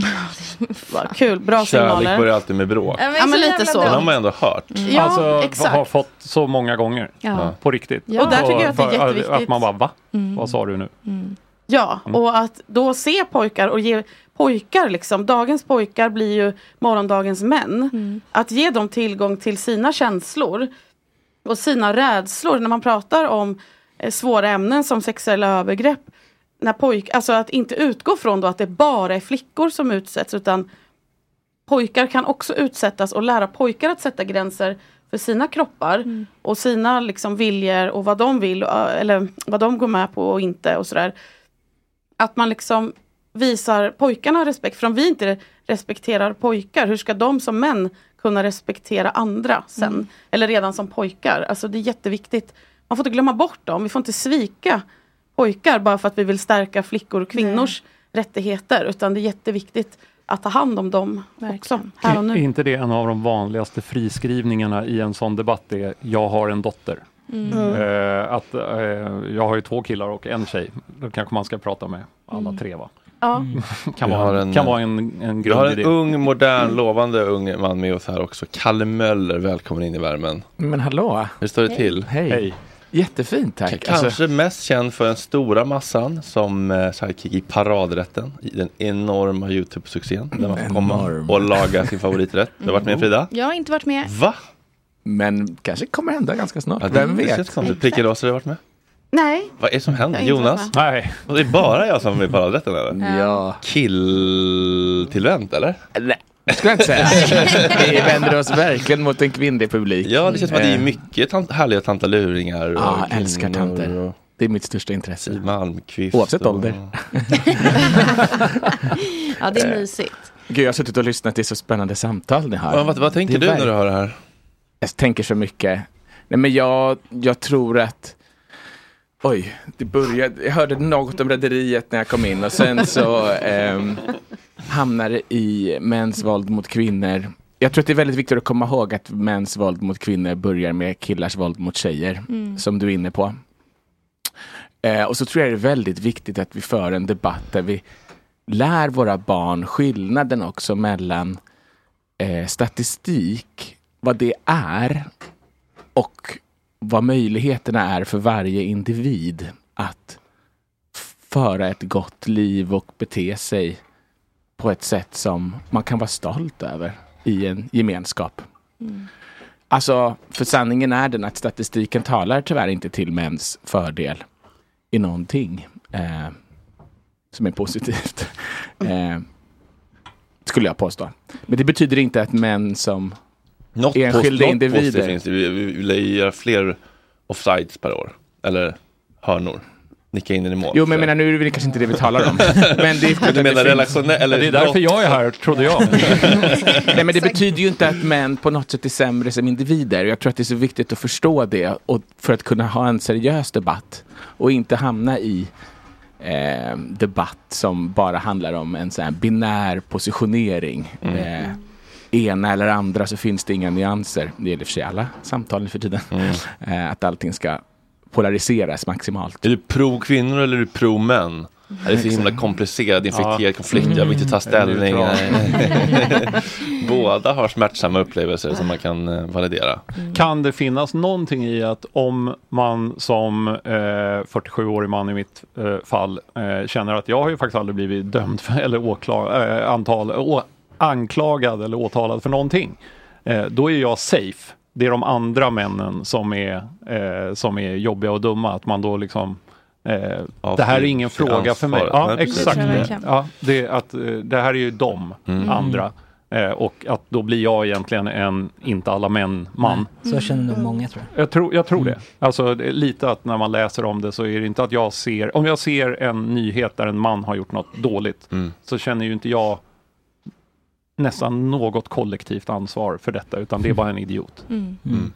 Om jag ska eh, försöka analysera, jag har inte tänkt igenom det här Fredrik. Jag, Nej, jag, nej, nej, men jag gillar jag, kom, jag kom på det nu. Det Jag kom är på det nu. jätteintressant att prata, för det, det är ju det som kanske kommer göra att du, eh, nu verbaliserar du det här. Mm. Så nästa gång du läser om något så kanske du tänker på något annat. För att jag menar, det är klart alla, alltså jag har ju varit en idiot mot folk i livet. Det är klart att mm, liksom, ni män någon gång har varit elak på ett eller annat sätt mot en tjej eller gjort balla balla på rumpan eller vad det nu var när man gick på lågstadiet så man alltid fick liksom, en upptryckt hand i röven. Alltså, och de sakerna vill man ju inte föra vidare till nästa generation. Liksom. Och där vill jag poängtera att jag också har varit en idiot. Jättemycket. Ja, Alldeles för många har. gånger. Eh, Vadå, ballaballat eller? Vadå? Nej, men alltså alla människor gör dumma saker, så är det ju. Mm. Eh, men det som är viktigt när man pratar om det här tycker jag, det är att fokus lätt hamnar i just inte alla män eller att eh, oh, men det är jättesynd om alla män som blir falskt, falskt anklagade för våldtäkt och sådär. Ja, men det är en jätteviktig fråga, den kan vi absolut diskutera, men om vi pratar om mäns våld mot kvinnor, då behöver vi också hålla Inte kvar. samtidigt bara. Nej, precis. Mm. En sak i taget. Ja. Rätt åsikter i rätt Men ordning. är det, alltså, eh, kan, kommer inte den sekundärt? Alltså jag tänker det, för det, det är ofta man hör det så här, blev falskt anklagad, det var en tjej som ljög. För det första händer väl inte det särskilt ofta att en kvinna ljuger om en så fruktansvärd upplevelse. Och för det andra, ja, då kanske ett par män måste offras, eh, oskyldigt anklagade, för att fler kvinnor ska få eh, sina våldtäktsmän som faktiskt har våldtagit dem dömda. Alltså två Eller? saker kan ju vara fel Nej. samtidigt. Ja. Två saker kan ju vara fel samtidigt. Man kan ju, man kan ju säga så här, det, det här är fruktansvärt och det här är fruktansvärt. Och det här doesn't justify this. Det här brottet, Mm. eh, vad är justify på svenska? Rättfärdiga. Rättfärdigar inte det här brottet. Nej. Men, men, men, men så här ser det ut och båda de här sakerna är ju såklart liksom dåliga. Men vad är det största problemet? Då behöver man inte liksom börja jämföra lidande heller för då kan ju Nej, folk känna sig kränkta. Men så här, det här är absolut ett problem, det kan vi också prata om. Men kan vi bara prata om dem på, under olika samtal så att vi liksom inte pratar förbi varandra. För om du Sant. pratar om det ena och jag pratar om det andra så, mö- så möts vi inte. Men ehm, Och jag tror att det är lite det jag menar med det här med att göra något skillnad mellan vad statistik är och Mm. liksom varje enskild individs möjlighet att att vara en bra person och ha ett värde oavsett om man är man eller kvinna. Alltså det, eller icke-binär eller oavsett hur man identifierar sig så, så gör det liksom ingen skillnad. Alltså, det är inte, män är per se i sin, i sin eh, konstruktion inte sämre än en kvinna. Det handlar ju om att för, för att statistiken finns ju till för att kunna belysa strukturella problem. Det handlar ju inte om att jag som man, även om jag tillhör en viss grupp, är sämre. Eller bättre, är också väldigt viktigt att komma ihåg. Hur var det för dig när du växte upp då? Liksom, ehm, vem var du bland killarna? Hur var killarna? Hur pratade ni? Hur, hur, hur hanterade ni konfliktkänslor? Bla, bla, bla. Jag har alltid varit eh, väldigt frikopplad från män. Det har varit svårt. Jag, har liksom, jag hade inga killkompisar när jag växte upp. Inga alls? Inga alls, Nej. nej. Jag har alltid varit rädd för män. Och det är ett problem när man identifierar sig som gay också. Mm. Att det blir, de, det blir sex eh, objekt lite mer. Mm. Alltså det har jag ju jobbat, försökt jobba bort för jag har varit medveten om eh, hela mitt vuxna liv. Men det är inte så lätt. Alltså, jag, jag tror mig se likheter bland många straighta män och deras relation till kvinnor om de inte tränar på att ha varma, kärleksfulla, icke-sexuella relationer med kvinnor. Mm. Eh, det har jag behövt träna på. Och då gäller det, det har varit det är ju lätt med straighta män. Men även ha det med andra bögar. Alltså det är jätteviktigt tror jag. Det är så lätt att se kvinnor som människor tycker jag. För mig. Eh, med allt vad det innebär alltså. Eh, förtecken som är varma, positiva, intressanta, intellektuella, känslomässigt utvecklade. Eh, men så blir det som en liten plattare bild av män och det har ju att göra med mina filter. Alltså Mm. vad jag ser och förväntar mig och sånt. Hur har det påverkat ditt, sätt att bemöta? Och... Men? Ja. Ja, det har påverkat så tillvida att jag lite som klyschbilden är väl att eh, man kanske kan, man på 90-talet såg Pamela Anderson som ett par silikonbröst. Mm. Lite så. Jag ser en, en kuk och ett vackert. Och nu gjorde du en liten rörelse i munnen. Den kom fram där. Precis. Ja, det var en olycklig faktiskt. Men, eh, Nej, men jag, jag, det, och det, jag menar, det här, jag skäms lite för det här. Men så, så har det nog, om jag ska liksom dra det till sin spets, så är det Mm. väl det som har utvecklats. Så jag nog ser, jag kan se mitt eget, min egen liksom orsak. Jag kan förstå mot bakgrund av min uppväxt och min läggning och min rädsla för män att jag har på något sätt, för att skydda mig, liksom objektifierar lite. Eh, Intressant eh, take ju. Verkligen. Absolut. Jag får jag prata? Ja, herregud. Så Talarpinnen är din, Trino. Nej, men alltså, män är ju också offer för normer och strukturer. Ja. Det får man inte glömma Nej, bort. folk måste komma ihåg att man kan vara offer och förövare på samma gång. Exakt. Vi har ändå haft en lagstiftning som har sagt att så länge en kvinna inte säger ett uttryckligt nej så är det ett ja. Alltså innan sam- samtyckeslagstiftningen kom så var det in- inte våldtäkt. Guilty, uh, uh, innocent in- until proven guilty. Eh, sam, du vill knulla tills du säger nej. Mm. Ja men typ. knäppt. Så att om man våldtog en däckad av medvetslös kvinna så var det inte våldtäkt. För hon sa inte nej. Det är klart att det påverkar hur vi ser på varandra och att som jag återigen kommer in på att om vi inte lär pojkar eh, sina gränser så hur ska de kunna respektera andras gränser? Det är jätteviktigt. Och jag säger inte att det som har skett eller sker är korrekt. Men vi behöver också ha en förståelse för att män inte per automatik är as som vill skada kvinnor. Utan man blir också en produkt av det man har växt upp i. Såklart. Och det är jätteviktigt att ha med sig. Och nu vet vi det här, nu har vi en annan lagstiftning. Där det blev jättetydligt. Där det var väldigt många män som började härja om att så här, ska man behöva skriva på ett kontrakt nu för att få ligga? Nej. Mm. Och det säger ju allt om vad har de för värderingar. Liksom. Mm. Och det har vi möjlighet att ändra på nu. Och det är det vi är väldigt många som vill ändra på. Men tror inte du skill- det kommer bli en stor skillnad? För jag tänker på, om jag ser på min generation då, eh, ah, 35 plus, kanske lite mer. Eh, vi behöver inte gå in på exakt ålder. Eh, liksom våra pappor, eh, liksom våran generations pappor är ju helt avstängda. Eh, och är typ så här, hallå, aldrig prata känslor. Eh, vilket gör att jag tror att män i vår generation eh, är också ganska avstängda, men inte som deras pappor. Mm. Och så liksom nästa generation kommer ju vara typ en fjärdedels avstängda, men sen, då känns det ju som att det kommer vara vidöppet. För då har man jobbat så jävla hårt på att så här, eh, vara en pappa som säger jag älskar dig till sitt barn, eller som pratar om känslor och inte är bara så här, man up, typ du ramlar, det går bra. Mm. Tror du att det kommer göra eh, skillnad? Det kanske inte heller är så överallt, men det känns som att... Jo men det tror jag. Och jag tror också att allt går i cirklar. Jag tror att vi kommer komma tillbaks om några generationer till blommiga tapeter, kuddrum och röka hasch tillsammans i familjen. Typ så. Mys. Att, ja. Eh, jag vet inte. jag är inte droger ska jag väl säga här. Men alltså, och jag Jo, det kan lite, du också men alltså, säga här.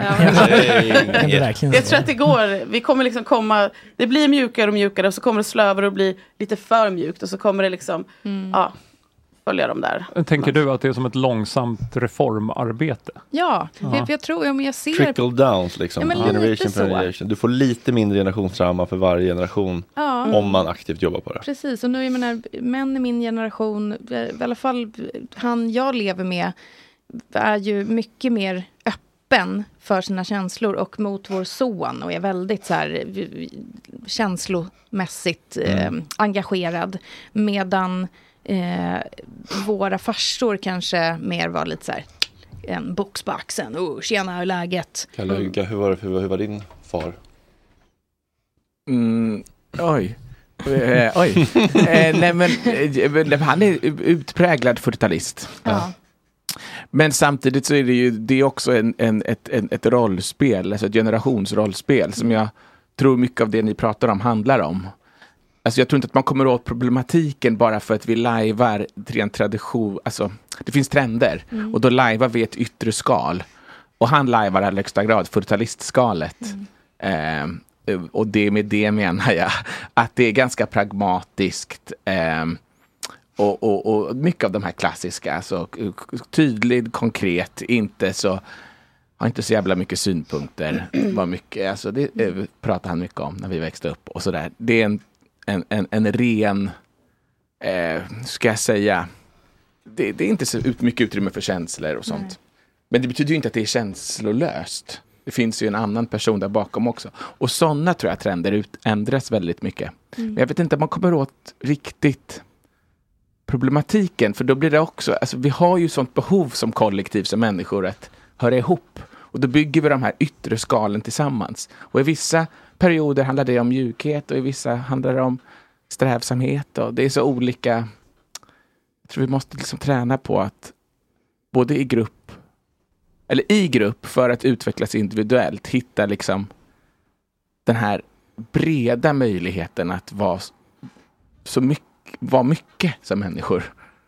Kunna stänga av och slå på, eh, kunna se sig som förövare och acceptera att man ibland är offer också och att det är, det är så det fungerar att, att, att, att eh, samleva mm, När har du kollektivt känt med dig som, andra människor. som ett offer? Oj, jag har känt mig mycket som ett offer tror jag i min uppväxt. Att behöva gå till en skola där, man, där jag vantrivdes väldigt mycket. Ehm, jag var ett offer och var ett barn. Det var, jag kände mig ett offer att jag blev född överhuvudtaget. Så det, har, det var svårt Varför att vara barn. vantrivdes du som barn? För att jag inte hade någon makt. Över mitt liv. Och ville, jag mådde dåligt. Jag var självmordsbenägen och mådde dåligt. Som barn. Väldigt dåligt. Hade du Jag var rädd. Jag var rädd för framför allt för män har jag insett. Men jag var rädd för vuxna också. Jag var rädd för auktoriteter. Jag var rädd för att vara dålig, göra bort mig. Och sen så liksom upplever jag nog uppväxten som liksom någon form av makterövring. Och sen med tiden måste man kanske också förstå att man blir så maktsugen att man måste förstå också att man har fått lite makt. Och då får man backa bak lite. Ja men du vet. Och när du säger makt, menar du makt över dig själv eller makt i, i Makt. runt om dig? Liksom, eller hur? Nej, Jag menar nog makt över, eh, över sig själv. Alltså i den bemärkelsen att jag kan bestämma vad jag vill göra eller vad, vilka människor jag vill omge mig med och, och, och vilka typer av samtal som får mig att må bra. Eller, och sådär. Ja, makt över var, var och hur, var jag ska leva och på vilket sätt. Mm. Hur såg livet ut då för, för lilla Kalle? Vad var det som gjorde honom så, så rädd och ledsen? Oj. Eh, Nej men jag tror att jag, eh, det är jättespännande. Jag, har- jag har gått igenom, gud det känns värsta terapi. Jag har gått igenom eh, eh, ett, eh, en terapeutisk process där jag nog har ins, insett att jag inte alls haft någon form av, liksom, jag har inte upplevt nå- några trauman egentligen. Utan det här handlar jättemycket om en utvecklad så här, föreställningsförmåga som barn. Att den gav jättemycket fantasi och man kunde gå in i fantasivärldar och leka och sånt. Men den blev också ganska liksom världsfrånvänt. Jag kan önska att jag bara hade åkt med mer, för då hade jag liksom fått mycket mer gemenskap. Alltså hänga på något fotbollslag eller men, hänga med Men klasskompisar. jag funderade så jäkla mycket. Mm. Alltid gjort. Mm. Jag har blivit bättre på att stänga av det i och för sig. Men, ehm, Men det är ju också någon slags försvar. Om man är i en Det är situation det. där man inte, som inte kan förändra som barn, då är liksom dissociation och liksom fantisera Mm. Är ju en jättebra försvarsmekanism för att slippa vara i sin egen kropp Mm. och verklighet. Mm. Det är, om man inte kan fly eller förändra, Mm. då är det, det vår sista liksom, försvarsmekanism. När man ser Mm. du vet, en antilop som blir uppäten av ett lejon, det sista den gör, det är allt är kört. Det är bara totalt dissociera liksom. Ja. Det är det sista försvaret vi har. Mm. Ja, liksom. Nej, men precis. Bygga upp fantasivärldar och vara i dem. Mm. Ehm, För att Ja. du inte vågade vara i livet. ja, jag tyckte det var läskigt att... eh, ja, det var läskigt. Jag vet inte.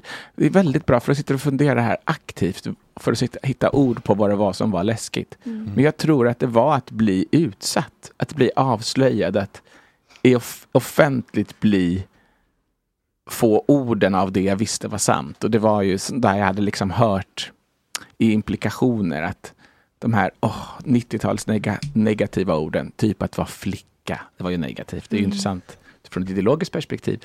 Eh, att det var så negativt. Eh, nej men att man var, eh, ja, ord jag inte ens visste vad det betydde, bög och sånt. Mm. Du vet, Mm. det var svårt. Och- Så att jag tror att jag bara, jag är mer än så. Mm. Ja, jag vet inte. Också, och så utveck- utvecklar ju alla de här grejerna en självcentrering, så man måste också vara medveten om på äldre dagar. Mhm. När man skyddar sig så här aktivt så kan man ju lätt bli självcentrerad som, som ett resultat av liksom, ansträngningen eller flykten eller inbyggandet i det här lilla skalet. Mm. Och det är väldigt viktigt att vara medveten om också. Jag känner att eh, det har gått ja. över, över, överkompens- eller liksom överdrift ibland eller? Ja, ja gud ja. Och duktighet hänger ihop med det också jättemycket. Mm. Eh, att man kompenserar för den här liksom, bristande självkänslan genom att prestera mycket. Och, du vet. och det skapar också en otrolig självcentrering. Jag kan bäst och bla bla bla. kan man inte alls. Mm. Men det krävs ju många vuxna år. Jag är inte så ung som du sa inledningsvis. Nej, vad sa jag? tag. Du sa att jag var ung bara. Ja, du känns lite ung men du är inte så ung Ung kanske. aura. Ah, jag är 40 år gammal faktiskt. Va? Det tror man inte. Grattis till genpool. ja, gud vad fint att du delar med dig av det här. Mm, ja, men det, är alltså, jag tror nämligen att vi alla har samma saker. Sen har vi inte samma erfarenheter, men jag tror att det är viktigt när vi pratar om könsfrågor och så vidare och pojkar och flickor. Vi behöver dela upp för att förstå strukturella problem och då måste vi använda statistik. Men om vi inte förstår skillnaden på det och förstår att en vanlig vit straight man också kan uppleva sig ledsen, som ett offer, utanför, inte passa in. Alltså, det är liksom inte Nej, vi så exakt enkelt. samma känslor. Ja men exakt, och vi är lika... Vi är så jävla, ursäkta uttrycket, lika. Mm. Det är liksom ingen skillnad. Alltså sträck ut din hand som Lasse Berghagen Mm. sjunger. Alltså, vi kommer ju alla bli ledsna av att bli, eh, inte få vara med. Och om någon säger något taskigt. Och vi vill alla bara känna gemenskap och kärlek. Alltså, det är ju otroligt enkelt egentligen. Mm. Eh, men, men sen så eh, har vi en tendens att liksom dela upp oss. Att, det här är min lilla ingrupp och vi gillar Bajen och vi är poddare och vi är bögar och ni är Mm. Mm. Tjej, influencer-tjejer och då är inte- jag inte samma som ni för ni jag är en lite coolare podd. Alltså, Mm. det är så, Mm. det är de där Jag läste grupperna. en, jag läste en för ett tag sedan, eh, en ganska in, en intressant perspektiv som egentligen inte är så förvånande, men jag hade liksom aldrig sett det i ord förut. Och det är att det, det finns många däggdjur som är duktiga på att samarbeta. Men eh, om jag förstår rätt, så alla andra däggdjur, förutom Homo sapiens, då, vår art, eh, behöver kan samarbeta med individer som redan är kända för dem. Men människan har förmåga att samarbeta med alla i vår art. Mm.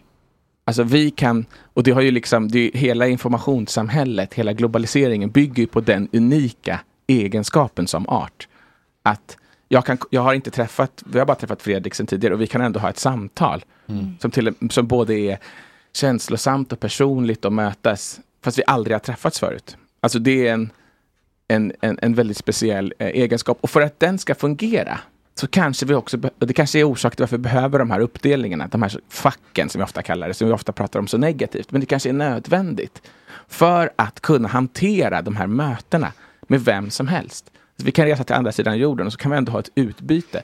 Mm. Och då menar jag inte bara så enkelt som att följa de här drifterna av att man har, om man blir kåt på någon och har sex, utan det kan vara på så många nivåer. Alltså det tycker jag är Mm. fascinerande att fundera lite över. Alltså hur, hur stora möjligheter det finns. Mm. Och där kanske är svaret på varför det är så viktigt med de här ständiga uppdelningarna. Vi och dem som vi alltid bara pratar om så negativt. Men fattar man att ja, det kanske har en väldigt så här, positivt syfte också. Verkligen, jag måste, om man åker till andra sidan jorden så bara, ja, här kan jag gå in på ett A-möte var som helst. Då Mm. känner man direkt en jättestark gemenskap i där. Eller liksom, här finns det andra fotbollskillar. Eller om man hittar liksom ett eh, podd-community eh, om man åker till Sri Lanka. Då kommer jag ju känna så här, uff, ni är en av mig. Det är ju fint Mm. såklart också. Så det är inte, verkligen inte bara negativt, verkligen. Nej, och det kan ju också anses negativt tycker jag. Att man, om man, jag kan, vi har pratat om det förut Fredrik. Jag kan känna att jag delar med mig för mycket ibland. Eller att man Mm. säger oversharing. Mm. Eh, Jag med. och bara oj. Inte jag. Berättade jag om min pappas död även för den personen. Men, men eh, egentligen är ju det jättefint. För att jag tycker i alla fall att just när man pratar med nya människor. Eh, då är man ju så jävla öppen på något sätt. För att det finns ingen... Alltså du, du kan inte såra mig för du känner inte mig egentligen. Så Mm. därför kan jag dela någonting väldigt eh, stort med dig. Mm. Och det är också från de utbytena upplever jag som man kan få sjukt bra råd, tips, eh, stöttning. Det kan på något sätt vara lättare ibland att öppna sig tycker jag för någon som man inte är så nära med. Mm. Och det är ju svincoolt att man kan det en kväll. Mm. Bara sitta i en soffa och liksom dricka vin med en person man aldrig har träffat. Mm. Och radadadadu. Då- så får man ångest dagen efter. Ja. Och sen dag, därefter bara så här, Fan! vi är bästa vänner, bara nej fan nu har laddet gått ur, vi är inte längre bästa vänner. Men det kändes så där och då. Ja. Det kändes så starkt. Men det blev så imponerad när Mm. ni pratade tidigare innan jag kom in i samtalet om att bemöta eh, hatiska eller i alla fall väldigt kritiska kommentarer som inte ingår i ens eget lingo på till exempel sociala medier. Det är ju att aktivt gå utanför en grupp som man identifierar sig med och kunna samarbeta även med dem. Mm. Alltså det är jag väl, det inser jag, det, jag, förs- jag känner själv ett väldigt starkt motstånd och obehag kring det. Eh, men om man förstår vad det innebär, att man också kan röra sig till massa platser som inte ingår i ens eget i ens egen trygga sfär. Alltså det kan vi ju, som, som kroppar, som människor så kan vi det. Det gäller bara att göra det, men det är lite det är lätt svårare sagt än gjort. Alltså i mitt fall, bara röra mig i idrottssammanhang eller Mm. bland vissa typer av snubbar. Det är jättenyttigt tror jag. Men, men, men eh, eller möta helt oliktänkande. Det är ju det stora arbetet om man vill förändra, att orka Mhm. Det. För att det tror jag inte vår, vår, vi har inte en sån bias i våra hjärnor. Det är för jobbigt helt enkelt. Och hjärnan gör gärna det, tror jag. Mm. Har en bias att göra det lättaste. Ja, det är ju gött att bara träffa folk som tycker samma. Ja. Konsensus är så gött. Åh. Nej, men. Ja, men det är skönt, man slipper anstränga PMS. sig. Mm. Då vill man möta, för då är man redo. Ah. på något sätt. Är det så? Ja, det tycker jag i alla fall. Berätta. Ja, Jag men älskar men- men att höra om man- PMS. ja, men jag blir ju, då blir jag lack, då blir jag Mm. arg. Eh, men det, det kan också leda till att jag känner att jag kan konkretisera saker på ett väldigt bra sätt. Så att om jag då pratar med någon som inte tycker lika, så kan jag liksom äga den diskussionen om jag vet då att jag har rätt på ett bra sätt. På något sätt. För att du är mer skärpt. Ja, men jag, ja, för att jag har liksom, jag har en ilska som kan eh, förvandlas till eh, att jag blir rapp och bra på att prata för min sak Mm. på något Mm. vis. Så det är ganska, alltså det är vidrigt med PMS, men just då kanske jag ska möta en sverigedemokrat. Jag vet inte. Men, men menar du också att du i det känsloläget söker dig till en konflikt? Ja, gud ja. Tyvärr, förlåt. Nej men det är ju spännande Alla. för det betyder ju att du går utanför en Ja, trygg, absolut. eh, liksom tryggt rum. Mm. Men alltså jag söker mig inte till konflikter med andra än min man men, men, och mina barn. Men, men om jag stöter på eh, någonting så Mm. kan jag ändå uppleva att det kan ge någonting. Mm. Hur blir du när du har lingonvecka? Eh, PMS är före lingonveckan för övrigt. Skulle bara få Johan att skratta. Han har suttit här det är så jobbigt känslosnack så Ja, jag länge. känner inte igen någonting utav det här alls. Nej, men jag tror att jag är så gammal så att jag är i klimakteriet, men jag har inte det längre. Skönt, eller? Tråkigt? Men då har du inte ägglossning heller, stackars. Vad ska man ha det till? Men du, alltså man blir ju en eh, alltså, maskin. Sex god. Nej men, nej, Eller? men man blir ju så jävla pigg och rapp och glad och pepp och bara... Eller? Ja men det är ändå. Kastar ut lampor och Ja, det händer bara grejer. ligga med exakt alla och Mm. fast kul. Ja, nej, jag... Ja, nej, det är liksom förbi. För mig. Jätteskönt, tycker jag. Ja, så det var ett tråkigt svar kanske. Nej. Nej men herregud. Vad, vad, tänker vi, vad tänker vi mer då kring eh, hur vi ska läka våra barn? Nej men alltså kärlek, de måste ha så mycket kärlek och de måste få ha utrymme. Alltså, alltså barn är små frön, de ska växa upp och bli blommor. Man ska inte ge dem för mycket kärlek va? för då, då, då blir de bortskämda. Nej men Skoj. man kan fortfarande sätta gränser. Ja, det är skillnad. Jätteviktigt att sätta gränser. Men alltså att inte försöka, att aldrig någonsin tala om för ett barn att du duger inte eller ja, alltså det här som var vanligt när jag växte upp. 80-talet. Jag fick ju själv höra att jag var ett problem i skolan till exempel. Man säger inte så till ett barn för man dödar ett barn liksom inombords. Utan, så här, har du svårt att sitta still, vad kul, vi löser det. Det går Mm. bra. Du får vara precis den du är och tillsammans så ska vi få det att funka. Typ att man liksom ja, men möter dem bara med hur mycket kärlek och respekt som helst. Och gränser såklart. Mm. Så att de lär sig att sätta sina gränser. Men hur de är och beter sig är aldrig liksom ett skäl till att de inte ska få älskas och få vara med. Exakt. Och jag har aldrig mött ett barn som har betett sig illa som inte har förstått det själv. Alltså att skälla på ett barn, jag vet inte om jag, ja mina egna barn har jag skällt på, men i mitt yrke så har jag inte gjort det. Utan då är det så här, okej, det här hände, vad, hur jobbar vi? Alltså vi blickar framåt.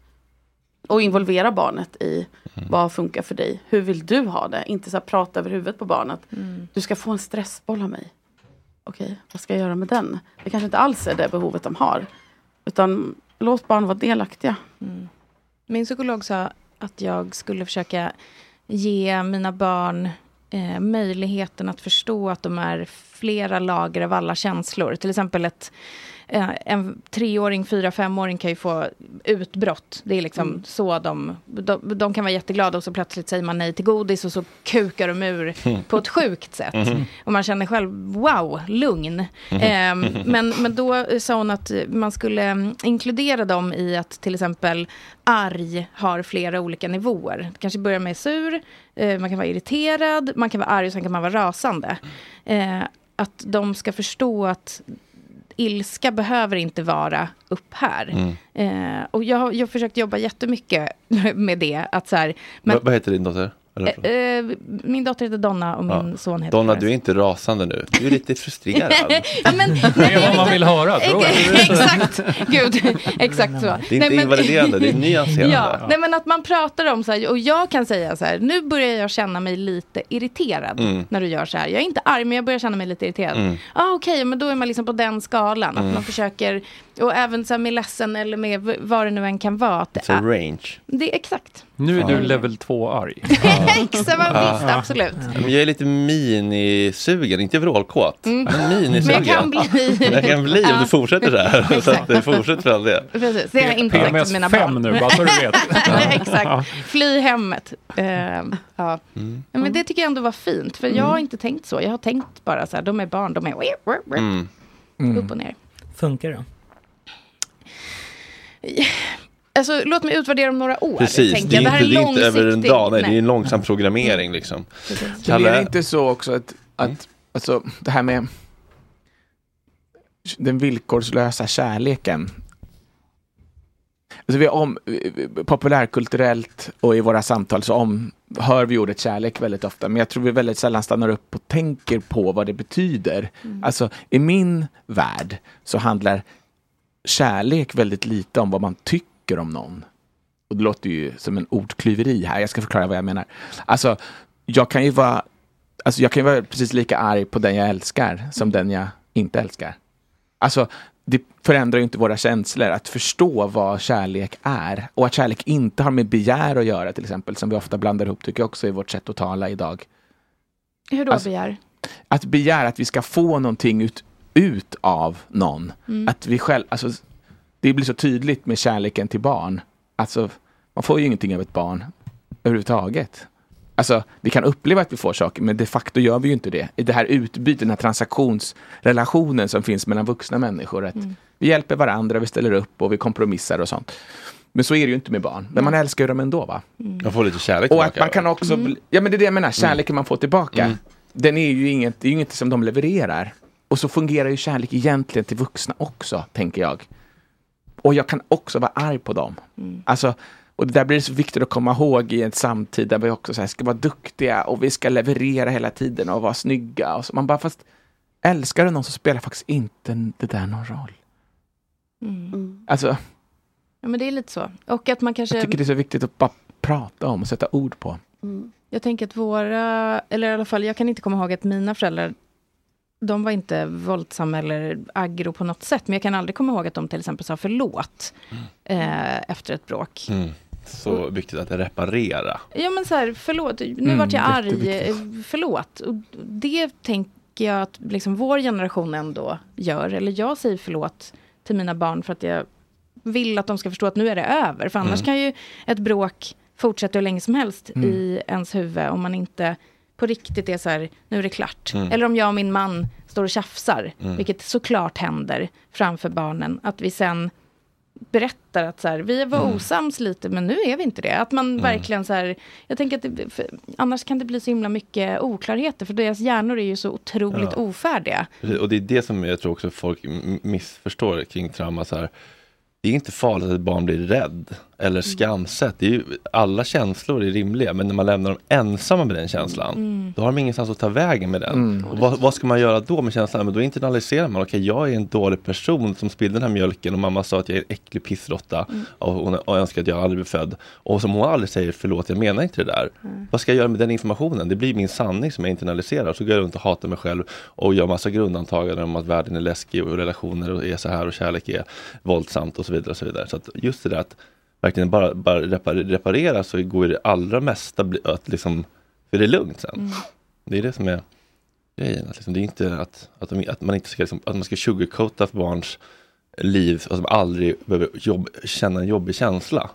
Nej, man man måste jättesvårt. reparera liksom, Mm. ja. Dem ur nervsystems liksom, stressen. Då kommer ju traumat när man blir vuxen sen och faktiskt måste fejsa verkligheten. Ja, då kommer det manifestera sig i massa dysfunktionella grejer som vi inte förstår har med det att göra. Bara så, ah, jag, blir, jag är så jävla svartsjuk. Och bara, ah, men vad handlar det om egentligen då? Så ser man inte kopplingen. Liksom. Men, men alltså ingen är väl klar när de är 17-18. Alltså även hur mycket man än pratar igenom och, och liksom om du får liksom den bästa uppväxt du någonsin kan få med, med liksom förklaringar och allting. Du, du kommer fortfarande inte vara klar när du är 18. Jag tror liksom summan utav alla saker som inte är färdiga, den kommer vara lika stor. Sen om du har haft problem med ett eller två eller tre ämnen så kommer det förstås hopa sig där och det kan vara hö- större naturligtvis. Men jag känner igen mig jättemycket i att min pappa, 40-talist också, där var det en eh, klapp i ryggen. Mm. Eh, det var kärleksfullt. Alltså, han visade villkorslös kärlek men på sitt sätt. Exakt så. Eh, och, och det var en klapp, eh, klapp på ryggen. Det där kommer lösa sig när du blir större, ber om dra åt helvete. Det var liksom det var hans eh, go-to-svar och så visste jag att han backade mig. Det, det är liksom, Mm. det, där, där var det bra och det var jättebra för mig. Jag Mm. kan inte säga att det var att jag hade velat ha mer och sitta och prata igenom utan det funkade kanon. Och din mamma då? Eh, väldigt så här go-to, snäll, eh, lugn. ehm, ja. Mm. På, men det var nog pappa jag pratade mest med. De gångerna man pratade, man pratade inte så jäkla mycket heller. Liksom. Nej. Tyvärr. Nej, men det Stryk, det- stryk de- i skolan bara, ah, skit de, i det. Ja men precis, skit i det. det är så här, Ja. alltså, att, att lära Ja, sig men- sätta ord, pr- prata om sitt, sina känslor är väl en, en, en väldigt bra förutsättning för att istället sen då ta till våld eller manipulation eller olika dysfunktionella sätt att få sina behov tillgodosedda, vilket det ofta är när man pratar om så här, ah, psykopatpodden, här min kille vill kontrollera mig. Så här, ofta är det ju bara bebishjärnor som inte kan Eh, då, ofta har de inte en stor komplott att de ska liksom så här, kontrollera sin flickvän och få henne att göra vad de vill, att de är värsta psykopaterna. Ofta är det bara så här, de har en känsla, de är svartsjuka, de är rädda för övergivna och därför blir de kontrollerande. Mm. Men det är ofta är de inte liksom psykopater med världens masterplan, utan de är bara så här, de kan inte uttrycka sina känslor och sina behov och få dem tillgodosedda. Så istället tar de till massa dysfunktionella, våldsamma strategier för att få sina behov tillfredsställda. Och därför tänker jag att det är ändå viktigt att få de här verktygen Mm. för att sätta ord på hur det kändes att bli mobbad i skolan kommer ju också hjälpa oss att sen sätta ord på hur, vad vi behöver i våra relationer så att vi inte behöver ta till de här Mm. negativa liksom, strategierna. Och där tror jag koppling mot det där du säger Frida om förlåt, att kunna säga förlåt. Mm. Alltså om man måste välja så tror jag att det är viktigare att om vi vill att barnen ska kunna få ut, träna på att kunna uttrycka och visa sina känslor. Då måste vi ju börja med att vi som vuxna och föräldrar Mm. vågar visa våra känslor och inte är för duktiga. Mm. Alltså tygla dem. Mm. Utan snarare lägga fokus på att säga förlåt. Och, inte, och visa och det så att man inte gör åt andra hållet. Alltså landar i det här, hur är man en perfekt förälder? Ja, precis. Och det- och det- För det, då, då kommer man ju lära barnen att också hålla tillbaka. Ja. Alltså, så att mycket, förlåt är ett, ju mer jag tänker på det, otroligt viktigt ord. Men det att känns som att det kan vara som ett ihåg. missförstånd. Och om jag, om jag säger förlåt, då är jag en dålig förälder. Som, som, som, att, som, att, som att man ska vara perfekt och aldrig göra fel. Det är ju en helt orimlig också förväntan på ett föräldraskap. Men om jag säger förlåt, då visar jag kanske fröken och de andra barnens föräldrar och mitt barn att jag är en dålig förälder. Det är ju tvärtom. Det är ju en bra Mm. förälder som kan erkänna när du har trampat i klaveret. Jag kan känna att med de, eftersom jag har barn i lite olika åldrar, men, men eh, 15-åringen till exempel, Mm. där, i den åldern kommer ju insikten att ens föräldrar inte har rätt hela Mm. tiden. Mm. Alltså att eh, han står ju faktiskt bara och snackar massa skit, den här jäveln kan ingenting. Mm. Det, är liksom, det kommer jag ihåg, det var väl ungefär då man kom på det själv. Mm. Och då märker jag ju på honom att nu får man ha en annan sorts eh, diskussion med honom. Medan Mm. tioåringen, där är det fortfarande att det jag kommer fram till Mm. är liksom Sanning. det vi har kommit överens om. Mm. Mm. Eh, det är ju, där får man verkligen tänka på att man måste föra sig olika. Man säger alltid så här, jag behandlar mina barn likadant. Mm. Det gör man ju inte. Nej. Nej. Man gör inte det och ska inte göra det heller Nej. tycker jag. Utan du, måste, du kan inte behandla 15-åringen som en 10-åring och 10-åringen som en 15-åring. Det funkar liksom inte. Eh, så att Och man, alla, och alla syskon har också olika relation till sina föräldrar. Så man, man har aldrig haft samma uppväxt. Bara så här, vad gnäller du om? Jag hade ju en bra uppväxt. Du vet ju ingenting. Den ena kanske fick stryk eller blev helt emotionellt alltså, Mm. Mm. satt i garderoben. Liksom. Det är, ju ändå. Men får jag fråga ni andra, har ni en sån upplevelse av att eh, uppleva nå- i mitt, mitten av tonåren där att ens föräldrar har fel? Ja, jag kände runt kanske 14, 13, 14, jag blev ganska tidigt tonåring och var ett litet as. Men då kände jag så här, de, jag behöver inte de här personerna. Jag klarar mig själv, eh, ja de har fel, jag vet bättre om världen, jag fattar mycket mer än vad de gör. Mm. Mm, lite så. Och sen bara, fuck you, kärring. Mm. Ja. så drog jag ut i mina Buffalo-skor till Skarpnäcks allé och drack folköl. Mm. Rökte cigg. där fanns sanningen faktiskt. Där fanns den! Där fanns den, precis. Ja. Ja, alltså jag, hade, jag växte upp själv med min mamma och eh, tyckte också att jag kunde flytta hemifrån när jag gick sexan. För då var jag redo liksom, för livet. Men då är man ju bara 12. Ja, Wow. Här inne var jag tant redan då. Nej det var jag verkligen inte, jag var inte alls redo för det. Men jag tyckte det i alla fall. Och så tyckte jag att hon var så himla sträng för hon var strängast av alla. Jag fick inte göra någonting och det var så himla synd om mig. Vilket jag sen då när jag liksom blev förälder själv, eller ja, äldre, insåg att det var ju tur. Annars hade det ju gått fullkomligt käpprätt åt skogen. Mm. Så jag tyckte att hon hade fel, Mm. men mycket var också rätt. Oerhört vanligt det är man hör att barn tänker att, eller jag får höra också, du är strängast av alla. Ja. Och så när man pratar med de andra eh, föräldrarna bara, ja men så säger ju vår också. Mm. Alltså det, det verkar vara en så här barnkänsla att du är ju mycket hårdare. Sen är det ju, de väljer ju sina ämnen men att Så fort man säger nej på någonting då är det Mm. så här, du är, du är ju hårdast av alla. Mm. Alla andra får komma Alla hem andra. halv tolv och inte jag. Ja, alltså ärligt. Mm. Ja. Nej, men jag tycker inte Varenda gång. Jag, jag reagerar på det så starkt för att jag, in, jag kanske överpsykologiserar helt men jag tror att jag upplevt tidigare att det är, an, är vanligt. Jag har förstått det. Men jag har liksom aldrig jag har, jag har inte den upplevelsen. Jag har aldrig tyckt att mina föräldrar haft fel. Jag har aldrig revolterat. De är fortfarande Alltså inte bättre än någon På annan. piedestal. Men, ja, på en piedestal. Och jag, ins, jag bara nu är det här grov över psykologisering. Men ibland tänker jag det kanske är kanske är en orsak till varför jag har vissa vuxna problem. Jag vet inte. Alltså det, det här med frigörande är ju väldigt viktigt alltså. Mm. Tänker jag. Det är spännande. Jag bara, mm, Men du sa ju intressant. också att du hade lite problem med, med vuxna auktoriteter som barn. Men föräldrarna är ju Ja, på, på ett ja. ganska tydligt sätt eh, auktoriteter och vuxna mot den. Jag tror det är vuxenhetens auktoritet, men jag hade nog alltid lättare för vuxna som individer Ah, än ah, barn. ah, Så okej. det kan jag inte säga att jag hade problem med enskilda vuxna direkt, utan mer hela konstruktionen att Mm. jag måste gå med dem, i den här klassen med de här personerna och göra de här läxorna. Alltså, man blev, forslades runt som en jävla kloss bara. Du var nog, Ända det känns man som var att du är 20 väldigt år, typ. smart bara när du var liten och fattade hur Tyvärr, ja. samhället var konstruerat och ifrågasatte det snarare än att man var så här "Rattadadadadu, pling plong, nu går jag till skolan för det är så här man ska göra och så tänkte du snarare vad fan är det här? Varför är jag Mm. en del av det här? Måste sluta upphöja smartness. Ja men det finns ju något så här, jag fick också mycket så här, du är så lillgammal bara, "Äh, jag är bara jätterädd och redan cynisk. Typ. Exakt. alltså, det, är liksom, det är ingen så här. du är som en liten filosof, går hem ensam och Man dricker bara, te. Eftermiddagen. Ja det är för att jag är ensam och livrädd. Ja. Det var därför jag gick Känner hem du igen dig i det Fredrik? Oh, 100 procent.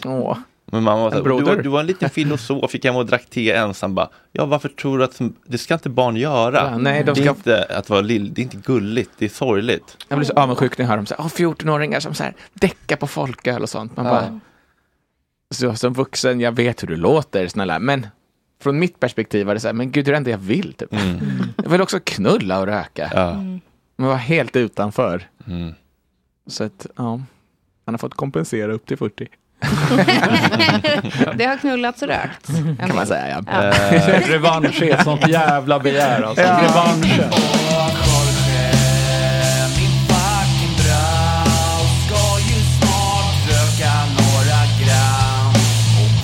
Lite trams